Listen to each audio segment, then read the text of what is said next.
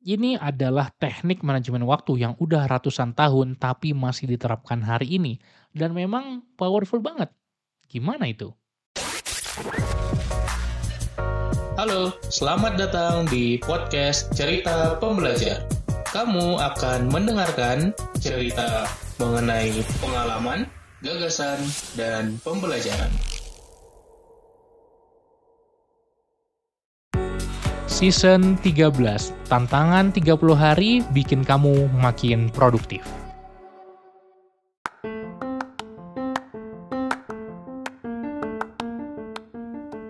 Hai hai hai, balik lagi di podcast kita Cerita Pembelajar season 13 dan di hari ke-22 ini kita akan membahas tentang time management lagi ya karena ini memang topik yang sangat seru. Kalau kamu baru mau mulai ikut 30 Day Productivity Challenge, aku sarankan ke episode 351 untuk menyimak dari hari pertama.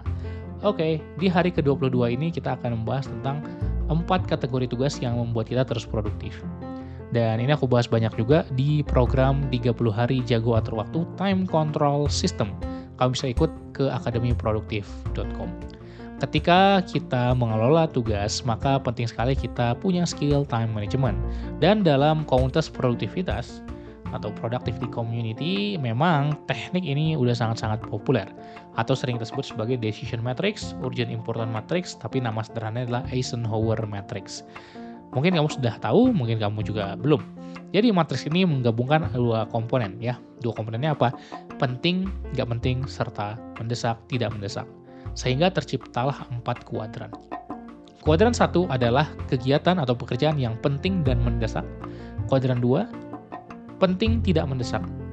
Kuadran 3, tidak penting mendesak, dan kuadran 4, tidak penting tidak mendesak.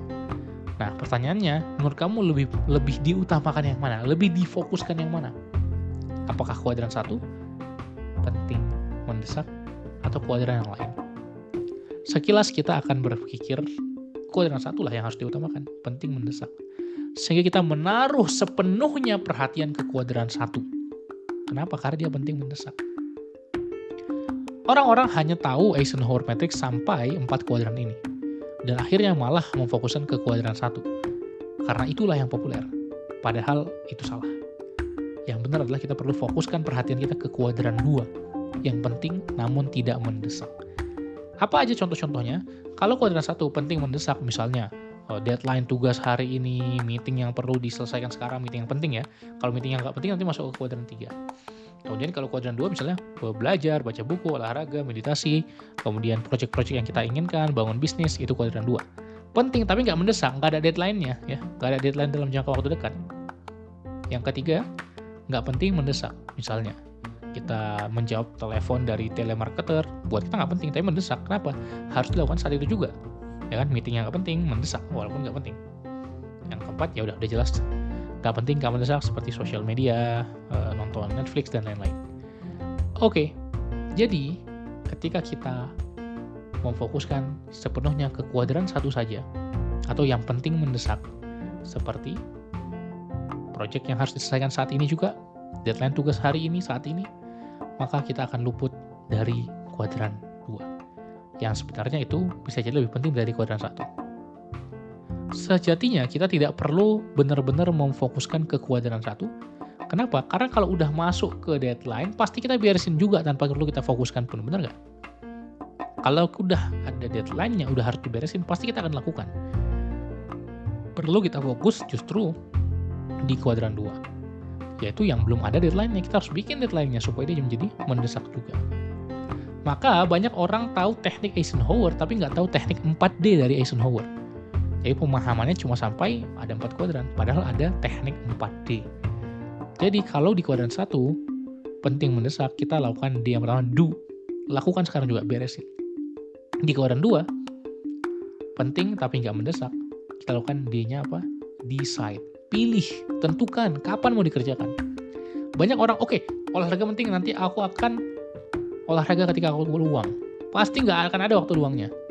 Oke okay, akan belajar ketika nanti aku punya waktu. Pasti nggak akan ada waktunya. Kenapa? Nggak dijadwalkan nggak direncanakan nggak dipilih jadwal kapan melakukannya. Jadi kita perlu menjadwalkan semua yang ada di kuadran 2 kuadran 3 kita delegate delegasikan. Kuadran 4 kita delete kita hilangkan atau kita hapus atau setidaknya kita kurangi.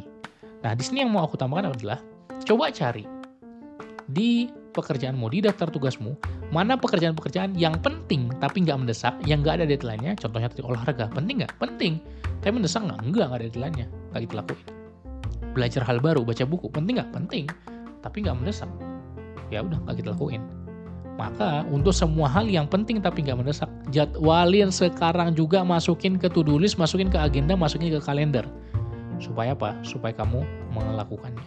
Bisnis yang sudah sama lama sekali kamu bangun bisnisnya, nggak mendesak. Kenapa? Karena ada project sekarang yang perlu diberesin, karena ada tugas sekarang yang perlu dilakukan. Akhirnya nggak kamu lakukan. Oke, lakukan dari sekarang. Jadwalkan. Nggak kamu kerjain sekarang, tapi kamu jadwalkan kapan mau kamu kerjakan. Semoga bermanfaat. Sampai jumpa di episode berikutnya, di tantangan-tantangan berikutnya.